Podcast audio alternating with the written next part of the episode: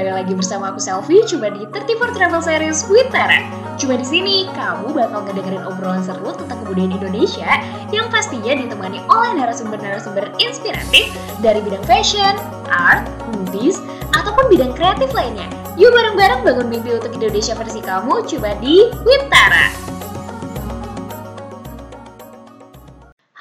teman-teman Witara, welcome to our first official episode. Dan hari ini kita udah kedatangan Kanisa Handrato atau yang lebih akrab disapa sebagai Kanisul Yang merupakan seorang Chief Business Officer dari Nuesa. Nuesa sendiri adalah sebuah studio yang menggabungkan nilai-nilai art, nature, dan juga culture di produk-produk yang dijual. Nah menariknya teman-teman, Nuesa ini ternyata berawal dari ketidaksengajaan. Ketidaksengajaan karena ingin cepat menyelesaikan skripsi dan berujung pada liburan ke pulau yang paling kecil di peta Indonesia. Menariknya lagi, Wisa sendiri baru dimulai secara official di tahun 2015, di mana 2015 tersebut diadakan pameran yang merupakan hasil ketidaksengajaan akibat kain yang tidak terjual. Nah, menarik banget gak sih ceritanya? Yuk kita dengerin lebih lanjut cerita Nuesa dari Kaniso. Sebenarnya Nuesa itu kalau aku track back ya, jadi awalnya tuh nggak sengaja. Satunya yang bikin kita semangat untuk menyelesaikan tugas akhir adalah kayak kita mesti bikin goal yang bikin kita semangat yaitu pergi ke Flores. Mm. Nah, kenapa Flores? Waktu itu aku beli peta Indonesia, terus ngelihat ini pulau kecil banget banding apa eh, Jawa gitu, terus sebelah mm. Bali, Bali kan semua tahulah Bali gitu ya. Hmm, hmm. Ini di tim itu ada apa sih gitu. Nah akhirnya waktu itu kami memutuskan untuk oke okay lah biar kita semangat, kita setting goal untuk bisa pergi ke Flores, uh, yuk overland yuk gitu. Maksudnya kita hmm. jalan darat, uh, nggak dijadwalin pulang kapan.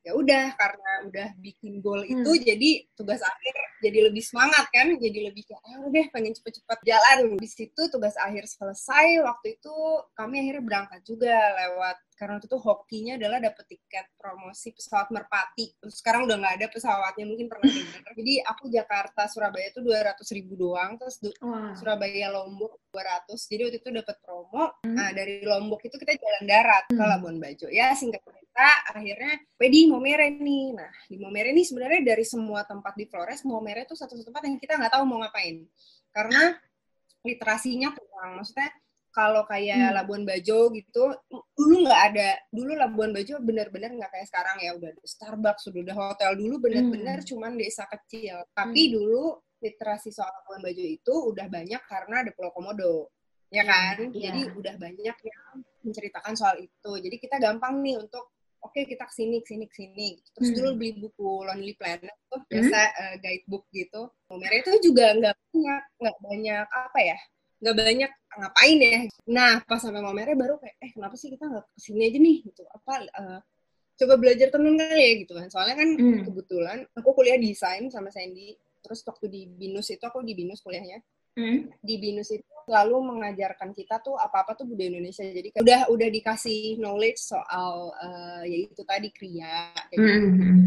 ya udah oh ternyata bikinnya gini ya gitu tapi penasaran gitu terus tiba-tiba hmm pas kita mau ke Larantuka saya ditelepon mm-hmm. uh, terus sama yang nganterin saya terus dia bilang besok mau ada turis Belanda nih satu rombongan uh, kakak mau mampir nih akhirnya extend extend mm-hmm. yaudah deh kita nggak jadi ke Larantuka kita coba uh, lihat dulu yaudah nah saya ternyata kok jauh banget satu mm. jam dari penginapan aku mm. ibu kota terus tahu wah pas nyampe sana ngelihat mm, warna ngeliat kain gitu berjejer yeah. terus ngeliat bagaimana mereka nari, mereka berbicara, mereka nyanyi. Mm, mm. Wah ini cakep banget sih. Maksudnya kayak aku nggak pernah ngeliat kain di, uh, di misalnya kalau di Jakarta itu kan biasanya aku selalu ngeliat kain-kain itu di pameran mm. ya. Kayak Inakraft, misalnya ke mana uh, alun-alun kayak gitu. Mm. Maksudnya mas ke hal-hal yang ke tempat-tempat yang biasa kita lihat. Nah, itu tuh kita mikir ini nggak pernah ada nih di Jakarta kok gue nggak pernah lihat ya gitu ini apa ya gitu kan terus ya udah pas aku lihat itu semua warnanya dari warna alam wah sumpah bisa kayak gini gitu. Maksudnya beneran beneran clueless terus kayak suka banget mm. uh, dengan kainnya gitu. Ya udah abis itu pas pulang kami ker saya kerja saya kerja tapi mm. penenun yang di Momere itu perwakilannya datang ke sini.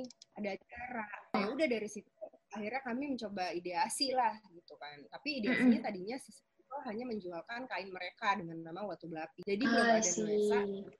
kita cuma mau jualin kain. Tidak ada tidak ada niatan lebih gitu. Karena waktu itu kita juga ngelihat oh uh, kerja cari kerja ya udahlah jualin kain. Tapi ternyata datang lagi tuh periode galau udah ngantor tiga tahun kan. Dua tahun lah. Itu udah mulai kayak ini gue gini-gini aja nih gitu kan. Misalnya gue nggak kok nggak fulfill gitu. Mm. ibarat abis itu ya udah hmm, si Sandy uh, apa mencoba untuk quit gitu loh terus uh, waktu itu ada ada flop juga di waktu belapi itu karena kita mereka udah kain banyak tapi ternyata saya dan Sandy nggak sempat ngejualinnya. Kain banyak kan? Iya. Yeah. banyak banget. Kita mikir kayak ah ini kalau kita bawa balik kalau kita kirim balik kok nggak enak gitu. Akhirnya dari situ sebenarnya ya udahlah kita bikin sesuatu. Gimana caranya biar enak dua-duanya tapi kita mesti bikin barang yang sifatnya masuk nih ke anak-anak muda. Karena mm -hmm. Benar kan kalau beli kain tenun itu kan rata ibu-ibu ya. Dan aku juga paham kenapa ibu-ibu karena harganya mahal. Mahal. Ya masih sih anak kampus punya beli punya duit beli kain 5 juta lebih. Kan kayak mending buat jajan gitu kan.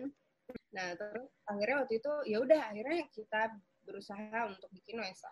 Fondasi utamanya itu art, nature, and culture dan budaya. Uh, satu seninya adalah kita memperjuangkan apa namanya budaya Indonesia, preservasi budaya Indonesia. Dua, karena kami belajar banyak sama mama-mama di Momir. Begitu karena kita ngelihat oh ternyata uh, mereka tuh hidupnya udah sustain tanpa ada gembar-gembor green living gitu loh. Warna alam tuh mereka selalu pakai sampai habis-bis gitu. Dan itu kenapa mereka pilih masih pewarnaan alam karena nggak merusak kebunnya mereka. Karena kan rata-rata mereka menenun tuh sebagai side job kan. Ya udah lalu tuh ya jadi art nature culture, culture-nya itu tadi kita berusaha untuk memperkenalkan yang uh, apa namanya uh, ayo dong uh, apa anak-anak Jakarta anak-anak ibu kota besar gitu belajar lagi uh, budaya gitu kita juga suka apa nge-preserve budaya tadi ngedokumentasiin yeah. motif jadi nah saya itu awalnya itu kalau ditanya selalu kebilang nggak aja mm. cinta pada utamanya sama warna bergerak dari situ dari situ kita mulai berpikir gimana caranya apa yang kami lakukan itu punya impact ke mama-mama. Well, itu tahun 2014 kan ya kak? Kayak pas Nuesa baru terbentuk, terus nge-define art nature culture-nya. Terus kalau nggak salah di tahun 2015 itu dari Nuesa ada kayak semacam pameran natural dye gitu nggak sih? Natural dye sama kain tenun ikat sih kayaknya di dialog gue. Waktu itu kita dapat menang semacam grand kali ya aku ngomongnya. Jadi hmm. ada namanya Dana Sam. Nah itu dia dia open call untuk 10 proposal soal pelestarian budaya. Terus uh, bikin acara aja gimana caranya ngenalin tenun ikat, tapi uh, beda nih sama pameran lainnya kita bikin proposal dengan ide waktu itu ngedatengin 22 penenun si mm. itu terus mending kita bikin workshop day terus kita bikin pameran kain adat di situ nanti mama-mamanya demo jadi masyarakat bisa lihat ini sebenarnya sesimpel itu kita nggak punya ekspektasi tinggi gitu kayak kita juga tahu pasti yang ikut-ikut lomba kayak gitu kan wah udahlah mm. uh, bian gitu. eh yeah. tahu dapat jadilah acara Plewodoi itu di yeah. dialog gue nah dulu itu tuh belum ada acara-acara kayak gitu. dulu tuh jarang gitu ada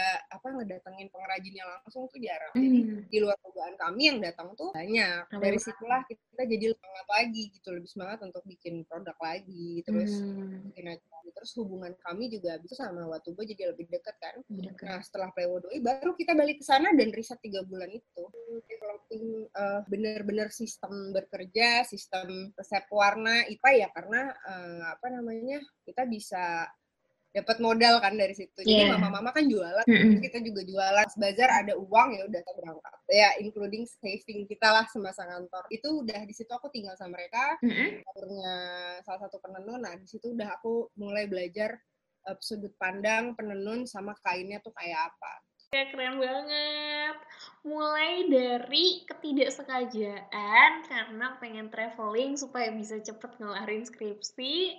Terus akhirnya bikin event di tahun 2015 karena barang-barang numpuk. Sampai akhirnya settle buat bikin misi untuk ngegabungin art nature dan culture for young generation di Indonesia tapi di sisi lain juga memperhatikan growth dan juga development dari pengrajin-pengrajin si tenun ikat ini Wow, keren banget sih Kak. Nah, salah satu hal yang pengen aku tarik lagi nih tentang Plewodoi. Karena kemarin aku sempat ngedengerin podcast di Inspigo juga bareng Kak Ros dan aku bisa nangkep gitu loh. Kalau misalnya teman-teman penenun dari Watu Belapi juga ngerasain impact dari kehadiran Noesa ke kehidupan mereka itu juga karena event Plewodoi ini. Tapi sebenarnya itu juga nggak mudah sih. Kendala pengrajin itu salah satunya mereka tuh nggak mau cerita kan. Hmm. Jadi waktu Lewodoi itu yeah. hamin sebelumnya, hamin acara itu aku udah bolak-balik. Nanti uh, kakak cerita karena yang pengen orang Jakarta denger itu ceritanya. Aku juga mengerti kenapa sih, karena kalau uh, misalnya kayak ada motif-motif yang tidak boleh di, yang tidak boleh dibicarakan gitu, itu aku hmm. mengerti. Tapi paling enggak mereka bisa sharing bagaimana mereka buatnya, atau mungkin biasanya setiap kain punya cerita unik sendiri kayak misalnya hmm. ini mengkudu jelek tapi habis itu merahnya cantik kayak gitu-gitu kan waktu itu PR terbesar kita juga gimana caranya biar uh, mereka bisa komunikasi gitu hmm. karena malu-malu Hmm, tapi akhirnya bisa komunikasi lancar kayak gitu gimana kak? Jadi gini, karena waktu hmm. dulu itu sembilan sorry, aku bisa bilang 80 persen ya, 80 persen itu uh, anak muda.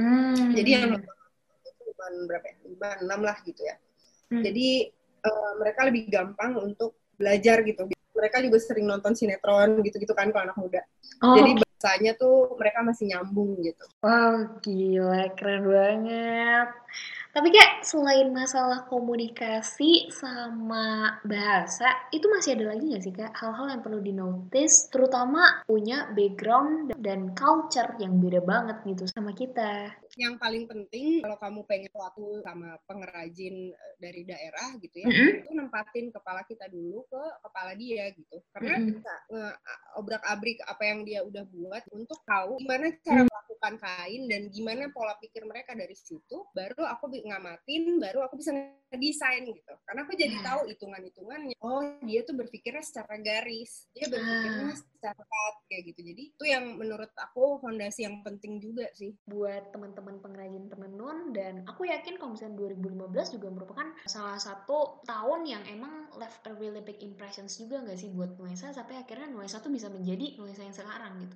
Flashback lagi nih di tahun 2015 waktu Doi terus setelah Doi you guys decide to actually a live in selama tiga bulan di Maumere. Kalau dari pengalaman Kanisul nih, selama live in di sana, Sebenarnya hal apa sih yang paling menginspirasi dari kegiatan-kegiatan selama live in di sana? Dan what kind of things that make you really hook sama mereka selama live in tiga bulan itu?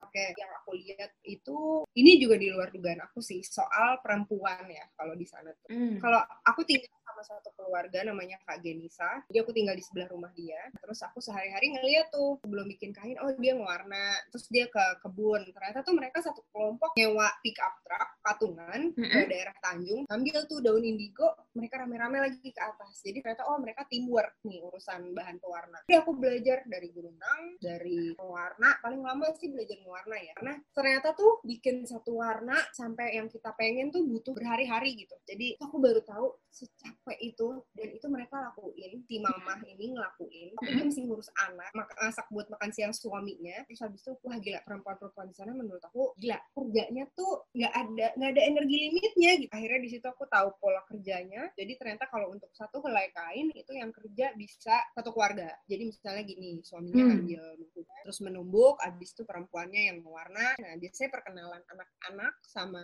menenun itu dari proses ada yang namanya rentang benang terus mengikat juga udah habis mengikat copot ikat jemur warna lagi segala macam. Wah misalnya aku nggak tahu ada proses itu aku nggak bisa bikin jadwal aku pesennya kapan. Wow jadi observasi adaptasi tapi sekalian kayak enaknya strategi ke depan itu kayak gimana? Rencana ke depannya itu buat dealing sama mereka seperti apa. Ih keren banget gila. Kami riset waktu itu untuk menentukan sistem terus bahkan sampai sistem pembayaran ke mereka. Karena semuanya gimana? Kalau misalnya aku pesan kain seperti apa? Yeah. terus latihannya itu waktu aku ke sana tuh aku udah bawa polanya dan bikin semua per produk satu buat sarungnya. Jadi udah sempet ada latihannya sih. Hmm. bahkan ada satu dulu koleksi Nuesa yang bener-bener aku sama Candy yang warnain sebuah kebanggaan oh, keren banget Tapi kalau nenunnya pernah kak dari awal sampai akhir gitu? Dari semua proses tenun ikat, hmm? mungkin orang kiranya tenun yang paling lama ya. Benernya dari semua proses yang paling gampang dan paling cepat buat mama-mama yang buat gua hmm. itu menenunnya istilahnya kayak gini loh kayak kita nyetir gitu ya ada gas rem gas rem belok hmm. kiri sen ya kan hmm. punya irama kan mereka di luar kepala gerakannya terus mesti gimana mesti gimana nya gitu yang masalah adalah yang lama itu tadi satu warna mengikat karena kan mengikat itu kan mama-mamanya mikir nih oh gue mau cerita soal ini nih dia pakailah motif ini mm.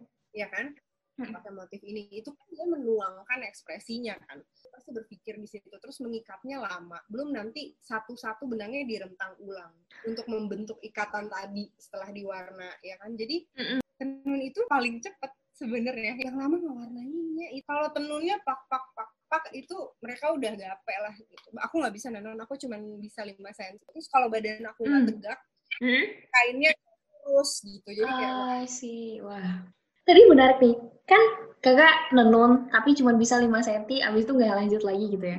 Nah kemarin tuh aku sempat denger katanya kalau misalkan nenun sendiri mereka tuh kan punya kepercayaan kan tentang tenun. Dan kepercayaan mereka tuh macem-macem gitu loh tentang menyelesaikan si tenun ini. Pertama katanya kalau misalkan nggak menyelesaikan tenun itu ntar nggak bisa sukses. Terus yang kedua terkait tenun juga itu bisa menentukan mereka tuh udah siap nikah atau belum gitu loh.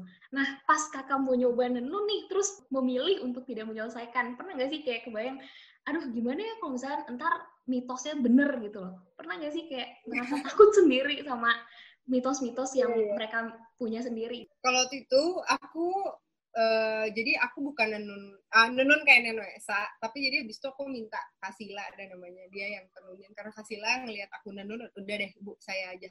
Mereka punya kepercayaan itu benar. Jadi kalau misalnya lagi haid itu hmm. biasanya nggak boleh tenun terus kalau misalnya ada keluarga yang meninggal itu juga mereka harus berhenti menenun.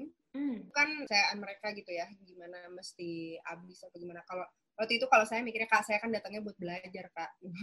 Jadi apa namanya nggak apa-apa ya kak. Habis karena emang beneran capek capek hmm. dan aku mendingan lain gitu. Dan karena kalau aku kasih ke kasih lah dia bisa tenun dua hari beres. Nah terus kalau soal yang menikah itu benar jadi menurut kalau kalau misalnya ketemu keluarga di uh, Momere yang masih sangat menganut uh, paham tradisionalnya itu ya hmm. itu memang perempuan tanda kutip nyaris sempurna itu tuh udah bisa tenun karena kan tenunan itu menjadi mahar sifatnya kalau kita nikah di sana. Mm-hmm. Nah, ya, itu bisa dilihat tenunannya nih cewek rapi apa enggak kayak gitu. Mm-hmm. Uh, bagus apa enggak kayak gitu. Mm-hmm. Wanita dan kain kan hubungannya sangat dekat ya. Kamu kalau mau baca soal hubungan wanita sama kain ini ada buku ya mirroringnya. Namanya Woman's Work. Wow. Uh, sejarah kenapa sih cewek tuh selalu jadi pekerja tekstil? Hmm, dan kenapa wanita yang biasanya emang kerja. Wow, sangat banyak ya momen dan pembelajaran unforgettable-nya. Karena emang aku kebayangnya semuanya serba sendiri dan emang pakai cara yang tradisional semua gitu kan. Dan kayaknya lifestyle dan mindset masyarakat-masyarakat di sana kayak perlu dicontoh deh kak. Supaya aku juga jadinya nggak leyeh-leyeh. Anyway, uh, thank you banget juga kak buat rekomendasi bukunya. Nah tuh teman-teman Witara, jadi kalau misalnya emang mau belajar tentang hubungan wanita dan juga tekstil lebih lanjut lagi, mungkin bisa langsung aja dicari. Judulnya itu adalah Woman's Work. Nah kak, ngomong-ngomong tentang sumber bacaan nih ya, aku juga uh, sempat dengar dari Inspigo tentang kesulitan kakak pas proses research mengenai tenun sika supaya lebih ngerti filosofisnya itu apa, terus juga artinya itu apa, bentuk-bentuk motifnya itu sebenarnya kayak gimana, dan juga sebagai salah satu bentuk pembelajaran untuk bisa mengenal teman-teman waktu berapi lebih baik lagi gitu kan. Uh, Kanisul tuh sampai rela ke perpusnas, terus juga sampai keloakan, karena emang yang arsip dari si tenun ini yang susah ditemuin gitu kan. Nah, boleh diceritain gak kak? Struggles uh, pas melakukan proses research itu, apalagi di sela-sela proses pengembangan bisnis Nuesa. Nah, itu sebenarnya alasan itu juga kenapa Nuansa pengen bikin preservasi arsip budaya. Hmm. Karena waktu aku berusaha untuk cari tahu, itu sedikit sekali bentuk gitu kayak. Nah, akhirnya waktu itu aku sempat googling, mungkin bagi para pendengar yang pengen apa namanya riset-riset soal buku. Waktu pertama kali, jadi ada tiga perpustakaan nih yang paling aku nyaman untuk mencari sumber-sumber soal budaya, terutama kain. Hmm. Nah, yang pertama itu ada sebuah komunitas di Jakarta namanya Indonesian Heritage Society. Sebenarnya hmm. ini awalnya ada klub ekspatriat. Jadi hmm. biasanya kalau ekspat-ekspat itu datang ke Jakarta, mereka kan butuh community kan. Mereka itu punya ada namanya textile club, ada English club dan yang mereka bahas semua budaya Indonesia. Karena mereka melakukan itu agar mereka paham akan tempat yang mereka tinggali sekarang gitu kan. Hmm. Nah, mereka punya koleksi buku yang sangat menarik buat aku karena rata-rata semua buku soal kain Indonesia, soal mm. motif itu penulisnya selalu orang luar. Mm. Kayak misalnya contoh ulos itu yeah kalau misalnya tahu ulos, itu ada satu penulis dari Belanda namanya Sandra Nielsen. Itu dia meneliti ulos tuh udah belasan tahun. Itu judulnya Floating Threads. Nah, itu istilahnya gini, aku sampai ngomong ini, kalau ulos nggak ada, lu buka aja buku ini, bikin ulos lagi gitu. Kalau lengkap itu gitu. Terus kalau misalnya di Flores gitu ada tiga buku juga aku pertama kali nemuin di Indonesian Heritage Society Library itu jadi dia sifatnya member sih hmm. jadi itu perpustakaan kecil di daerah Senayan mm-hmm. uh, sunyi kita bisa baca di situ. Itu semua penulis-penulis luar. Terus ada section misalnya ya ini kain gitu. Lalu sebelahnya keramik terus sebelahnya arsitektur sebelahnya sastra. Mm. kayak gitu. Jadi dan itu semua budaya Indonesia. Jadi itu kayak buat buat aku kayak ini yang gue pengen gitu. Mm. dan mereka memang bukan basicnya online sistem library ya. Aku kan suka bolak-balik bikin acara di musim tekstil dulu Nesa pernah mm. nah itu ada library-nya jadi hmm. uh, dan khususnya adalah kemarin tuh Raisa juga ngebantuin project library ini. Jadi ada funding dari US, dari Tracing Pattern Foundation namanya. Hmm. Nah, dia Indonesian tapi dia udah tinggal di US, jadi basically dia warga negara sana. Hmm. Tapi usaha untuk memperbaiki sistem koleksi museum perpustakaan museum tekstil. Nah, di situ khusus untuk tekstil. Itu close library, jadi maksudnya nggak bisa dibawa keluar bukunya. Yeah. Jadi kalau teman-teman pengen belajar soal budaya kain bisa ke situ aja datang nyatet foto atau gimana gitu. Itu lengkap terus yang ketiga perpusnas. Perpusnas di Jakarta eh, dengan ambisiusnya ya 24 lantai. nah, tapi eh, aku kurang sukanya perpusnas kan mereka sistemnya online ya maksudnya kita harus search dulu nggak semua orang tuh pengen kayak gitu kan kayak pengen yang cuman strolling through uh, yeah. terus pengen baca ini dan itu kita nggak bisa jadi di rumah tuh mesti nyari keyword kumpulin ke perpusnas baru minta nomor panggil dan kita bisa baca di lantai 23 dan 24 itu khusus budaya Indonesia. Yang aku hmm. lakukan biasanya search dulu di Amazon misalnya atau di, di Google lah gitu ya buku mm. ini terus aku cek di perpusnas dulu. Mm. Kalau perpusnas sudah ada ya udah, terus nggak ada aku baru ke Mutex, Mutex nggak ada ini mungkin ada di Indonesia Heritage. Jadi nggak tersedia ya. Kalau aku mm. selalu ngelihat kalau di Belanda kita mau nyari arsip koran dari tahun jebot tuh kita tinggal ke website, lu bisa lihat koran online udah di scan dari tahun entah berantah. Jadi kayak mm-hmm. kenapa kita nggak belajar apa sih yang terjadi dulu kayak gitu kita nggak mm-hmm. ada itu yang aku lakuin kalau ngeriset Nuesa lalu kedua dokumentasi motif kat ini yang paling susah. Mm. kalau mau ikat aku ada yang aku suka judulnya Gift of Cotton Maiden editornya Roy W. Hamilton. Nah dia ngebahas uh, overall kain-kain di Flores. Mm. Di Bumiringnya aja nggak Iya. Yeah.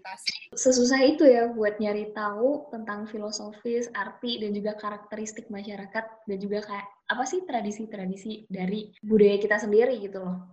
Iya, nah, susah. dari isu ini nih kak, kalau menurut opini kakak pribadi, sebenarnya perlu gak sih kayak kita tuh ada satu pelajaran khusus gitu ya di SD, SMP atau SMA lah. Kayak sebenarnya kan kita ada seni budaya nih, tapi aku kayak merasa gak terlalu banyak gitu loh hal-hal tentang kebudayaan Indonesia yang aku dapetin dari pelajaran seni budaya. Menurut kakak pribadi, perlu gak sih ada pelajaran khusus yang emang nge-serve kain di Indonesia, terus kayak ukiran-ukiran ataupun kerajinan-kerajinan lain di Indonesia, perlu nggak sih? Krusial nggak sih? Nah, itu juga yang mm, buat aku, aku dulu, bahkan kamu masih kalau aku kalau aku pelajaran yang kamu sebut tadi aku ngomongnya KTK dulu. Hmm. aku juga nggak dapet edukasi soal budaya Indonesia apalagi tinggal di Jawa ya. Rata-rata Hmm. tuh Jawa saya semua semua tuh Jawa. Jadi kita cuma belajar apa yang ada di Jawa. Karena ya Iya. mungkin itu lebih dekat sama kita ya kan? Jujur aja aku juga dapet itu. Dan yang membuat aku pengen belajar itu malah waktu aku ke sana. Dan aku ngerasa ini Hmm. pasti ada.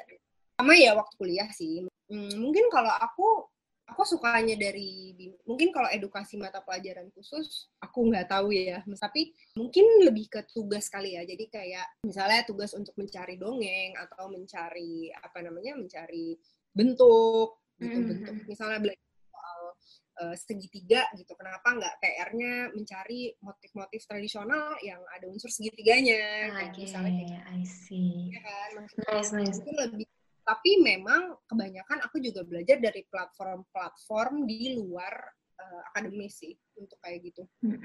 Dan pasti literasi sih kayak buku. Mungkin kita komunitas budaya dari dini gitu loh dari kecil gitu. Mungkin Hmm, kalau dulu kita ekskul kita cuma diajarin menarinya gitu. Alangkah serunya kalau diajarin misalnya kita belajar tari saman gitu. Terus Yeah. sebenarnya kenapa saman tuh mesti gepok-gepok dada ya kan laki-laki yang nari saman Hmm. awalnya mungkin lebih diekspan aja kali ya misalnya dari ekskul-ekskul gitu belajar Ya. sejarahnya juga Yes, aku setuju banget sih kayak apalagi tadi yang tentang belajar dari dini sih. Karena menurut aku awareness dan hobi tentang kebudayaan dari kecil tuh penting juga sih supaya apa ya bisa meningkatkan rasa cinta dan kebanggaan sendiri kali ya terhadap budaya Indonesia karena sekarang tuh nggak jarang gitu loh. Kalau misalkan mayoritas dari kita tuh masih merasa kecil buat promosiin budaya Indonesia atau ngomongin tentang budaya Indonesia ke pasar yang lebih luas gitu. Kalau misalnya kita bandingin saat kita ngomongin tentang budaya luar, apalagi tentang Korea atau mungkin Western gitu nggak sih?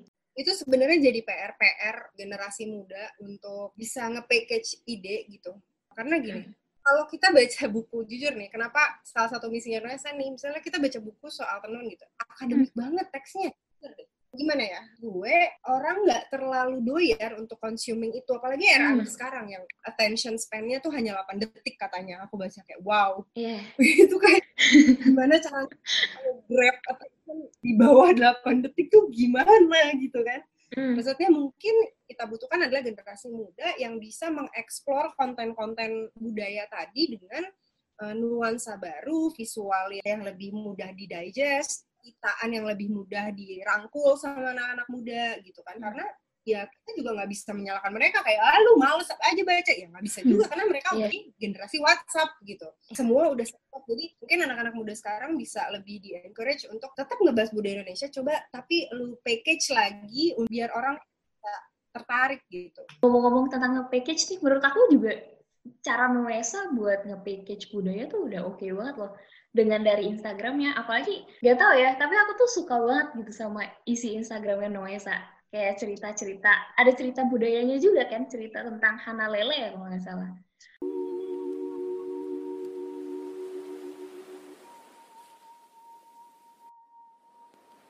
Pada zaman dahulu kala, di Sabu, hiduplah tiga orang bersaudara.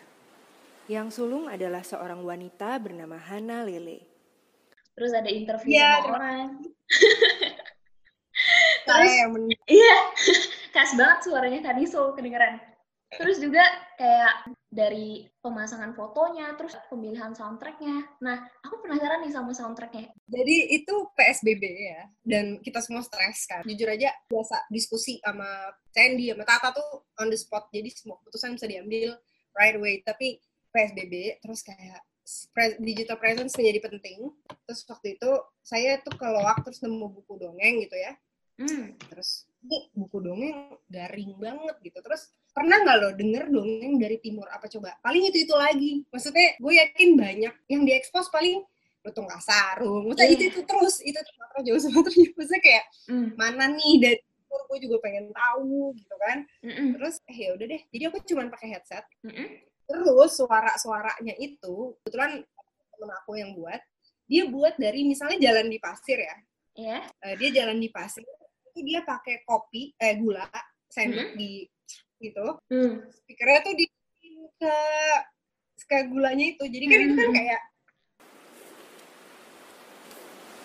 Ya, jadi Wow. kita di Hana Lele ada yang motong motong apa gitu aku lupa deh. Nah itu juga aku ambil wortel, potong top gitu kan itu kan mirip gitu suaranya semua bu- buat sendiri sih tapi semuanya rekamannya di handphone aku nggak punya mic nggak Hmm. punya apa nggak punya yang canggih-canggih apa pokoknya software musik dasar lah nah visualnya waktu itu karena aku nggak bisa ilustrasi udah akhirnya kenapa nggak bikin slideshow foto tapi dari koleksi uh, arsip-arsip museum aja lah gitu kan akhirnya aku kasih Oke. kredit tuh jadi Hmm. daripada itu cuman jadi im- mimpi-mimpi doang gitu ya lakuin aja mau jelek kek mau Iya. gearnya terbatas Yes, yes, yes. Gila ya, aku setuju banget sih. Wow, kak.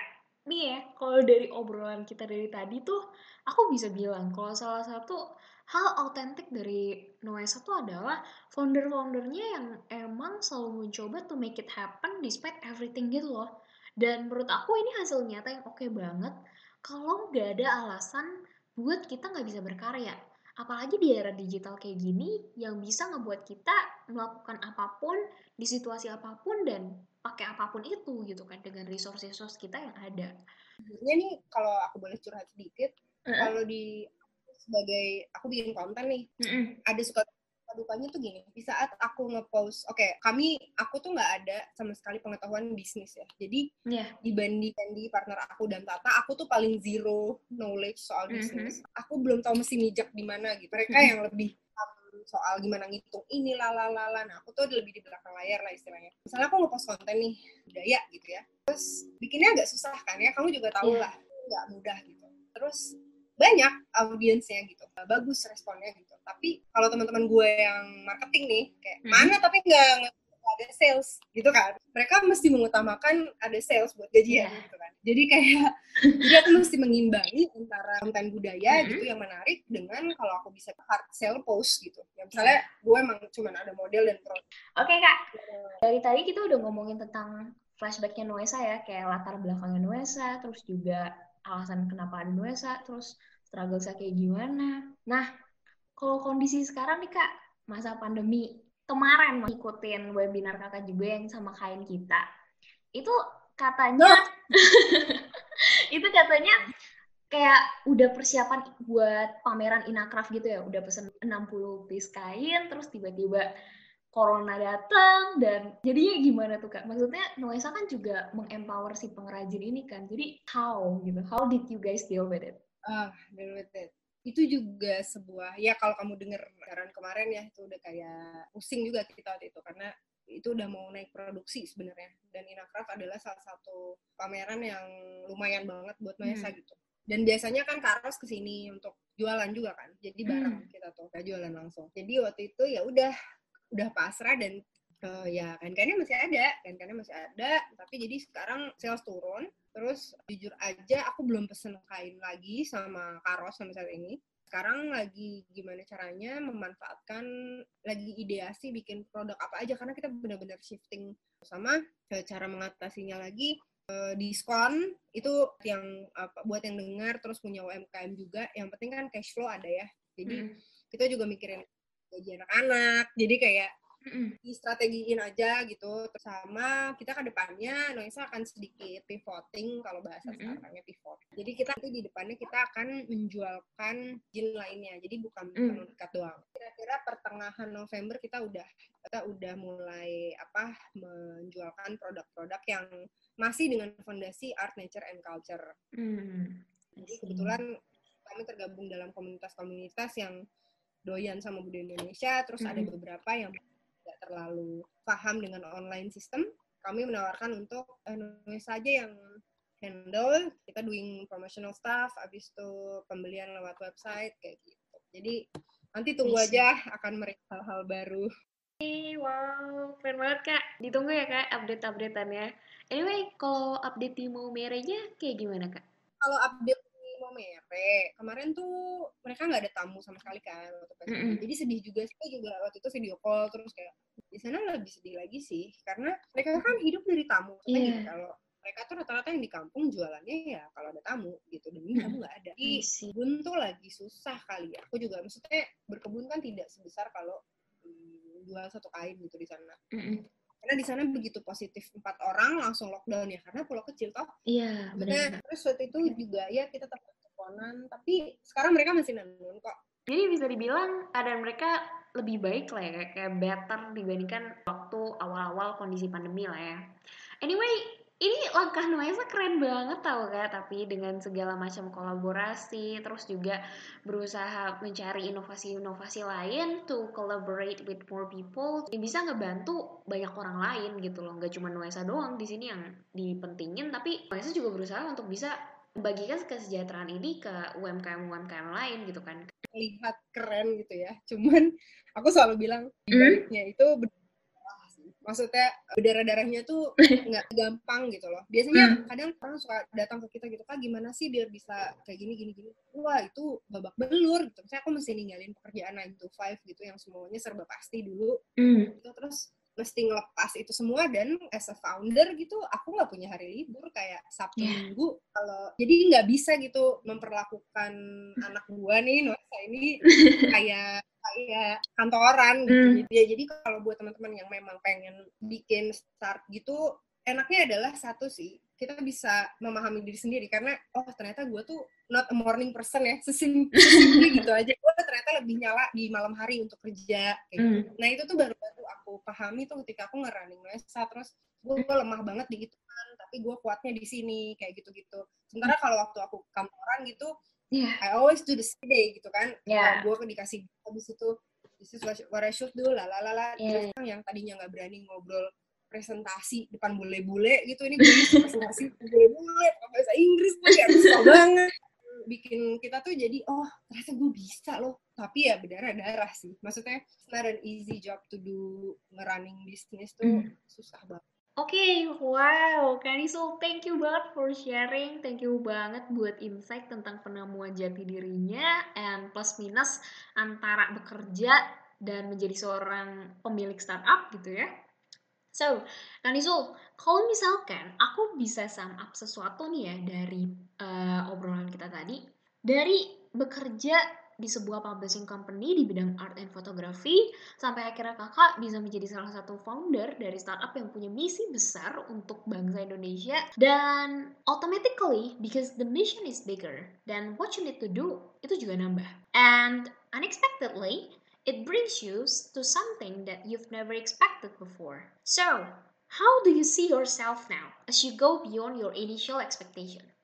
Tugas akhir aku tuh bikin buku, desain buku. Terus aku hmm. udah suka banget ya aku dan aku apply di salah satu penerbit uh, as a book designer. Mm. Terus aku suka banget sama pekerjaan aku gitu. Terus karena aku suka buku, aku suka ngedesain buku, aku udah mikir oke, okay, gue akan jadi book designer. Mm -hmm. uh, gue gue pengen dapat klien yang ini udah nggak punya apa ya nggak tahu kalau aku mesti sampai bisa sampai sini gitu. Uh, mesti bikin presentasi itu juga jadi ngajarin orang. Kayak kemarin uh, aku dapat kesempatan untuk berbagi sama penonton-penonton ada yang dari Kalimantan ada yang dari mana gitu. Hmm. gimana caranya mereka bisa creating a good visual photography tapi cuma pakai handphone kayak gitu gitu hmm. nah itu juga di luar apa ya di luar ekspektasi aku hmm. gitu. Kayak ah ngajarin orang? Gitu kayak siapa gue? gitu kan ternyata skill-skill simple yang sebenarnya aku aku bisa gara-gara jam terbang ternyata hmm. berguna juga buat orang. Senangnya di situ sih. Tapi memang kalau pertanyaan kamu tadi di luar ekspektasi sangat di luar ekspektasi karena emang nggak nggak ngeplan kayak gini. Hmm. pengennya sekolah lagi. Sekolah lagi wow. So what is your current plan buat beberapa tahun mendatang apakah keinginan sekolah itu masih ada oh masih banget gini, corona itu merubah semua sudut pandang gue. Jadi gue tuh dulu sangat ambisius waktu hmm? kuliah gitu ya. Aku tipe orang yang kalau aku dikasih tugas, I wanna do the best gitu loh. Tipe positif, ambisius, pokoknya gue bisa nih, gue bisa. Mm. Tapi gue nggak tahu ya, mungkin kamu nanti juga ngerasain ya, ya begitu bertambahnya. Mm. Lu tuh jadi kalau lu nggak usah gitu, gitu amat sih gitu, maksudnya karena kecewanya tuh lebih lebih sakit gitu di saat lo hmm. punya apa namanya certain ambition gitu. Ah, I see. Ya kayak okay. gitu terus apa namanya tapi jadinya nerimo ngerti nggak? Nerima. Nerimo aja gini loh. Aku tuh sebenarnya nggak suka banget digital karena gini. Aku ngedesain buku nih, terus gue mesti jualan digital asli semua orang cepat terus dinikmatinya hanya sebentar kadang aku tuh sempat ada breakdown moment kayak hmm. aku nggak suka banget karena apa apa diukur foto yang uh weekly review gitu sama tim gue foto mm. yang ini kurang likes-nya kurang reach-nya kurang engagement-nya yang ini kayak padahal lu nggak suka sampai sekarang tuh aku ngulik Facebook ads kayak gitu tuh kayak oh my god ini tuh apa tuh enggak sih itu nggak mm. nyaman sama sekali tuh doing digital ini gitu hal yang super baru dan butuh 24 jam. Jadi kalau ada yang bilang kayak, ah ngurusin sosmed doang tinggal upload, no, gue gak setuju sih. It, it's a full-time job. Wow. Oke, Kak Nisul, uh, gak kerasa nih, ternyata kita udah udah lebih dari satu jaman ngobrol kayak gitu. So, um, thank you banget sekali lagi buat sharing dan juga mau hadir di first episode dari Witara for closing statement nih Kak. If there is something that you could actually bilang gitu ya ke teman-teman sekarang kayak gimana sih caranya kita tuh karya kayak dari mulai influencer atau mungkin youtuber gitu ya. There is nothing that differentiate our Indonesian youtuber dengan American youtuber dengan Korean youtuber tuh nggak ada yang differentiate gitu loh. Everything is the same gitu. Tapi gimana sih kak caranya kita tuh menemukan si identitas ini gitu? Bisa menentukan bisa menunjukkan kalau ini loh kita Indonesia gitu. What kind of things what kind of message that you wish to give? Kalau aku teman-teman start yang paling deket dari kita deh. Kalau aku pinpoint ke soal Indonesia gitu ya, lu mulai dari hal-hal digging, mencari tahu dari hal-hal yang paling deket sama kita dan yang kamu suka. Karena kalau kita nggak suka, kayak misalnya aku nggak suka keramik, tapi aku disuruh belajar keramik tuh beda sama aku disuruh belajar soal kain kan. Jadi hmm. start dari apa yang kita suka gitu. Misalnya makanan favorit pempek misalnya. Lu pernah nggak mempertanyakan siapa sih yang buat empek-empek ini? Kenapa namanya empek-empek? apakah ini nama panggilan yang jual kayak emang ada kota di Palembang namanya pempek emang nama ikannya pempek nggak tahu kan? Mm. kenapa nggak start nulis atau untuk menjabarkan eh, ini kenapa bisa kayak gini ya? Karena kalau kita nggak tahu susah gitu untuk mendefinisikan identitas tadi. Nggak bisa ngejabarin kalau kita aja nggak berusaha untuk cari tahu. Start dari hal-hal terdekat. Misalnya ibu kita orang Manado misalnya.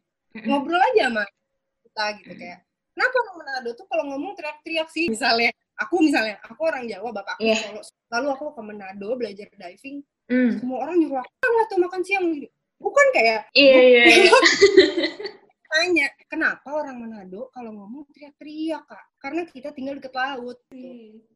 pelan-pelan deket laut gak denger dan kamu bayangin itu mm. turun menurun dari situ kan misalnya tiba-tiba teman kita kayak lu kalau ngomong marah-marah ya iyalah gue orang Manado orang mm. Manado itu laut jadi gue begini begini begini gitu maksud gue jadi yeah, yeah. akan tahu nah kayak gitu maksud aku kenapa identik dengan seperti itu kenapa Solo identik dengan kelem mm. kelemot itu kan sebuah pertanyaan yang menarik gitu jadi stay curious mungkin itu juga jadi salah satu yang aku suka lo selalu coba penasaran dan jangan ngelihat satu sudut pandang gitu mm. Yes, Kak, I totally agree with that. Dan okay, Kanisul, once again, thank you banget udah mau sharing dan mulai tertimbur travel series Bitara kali ini.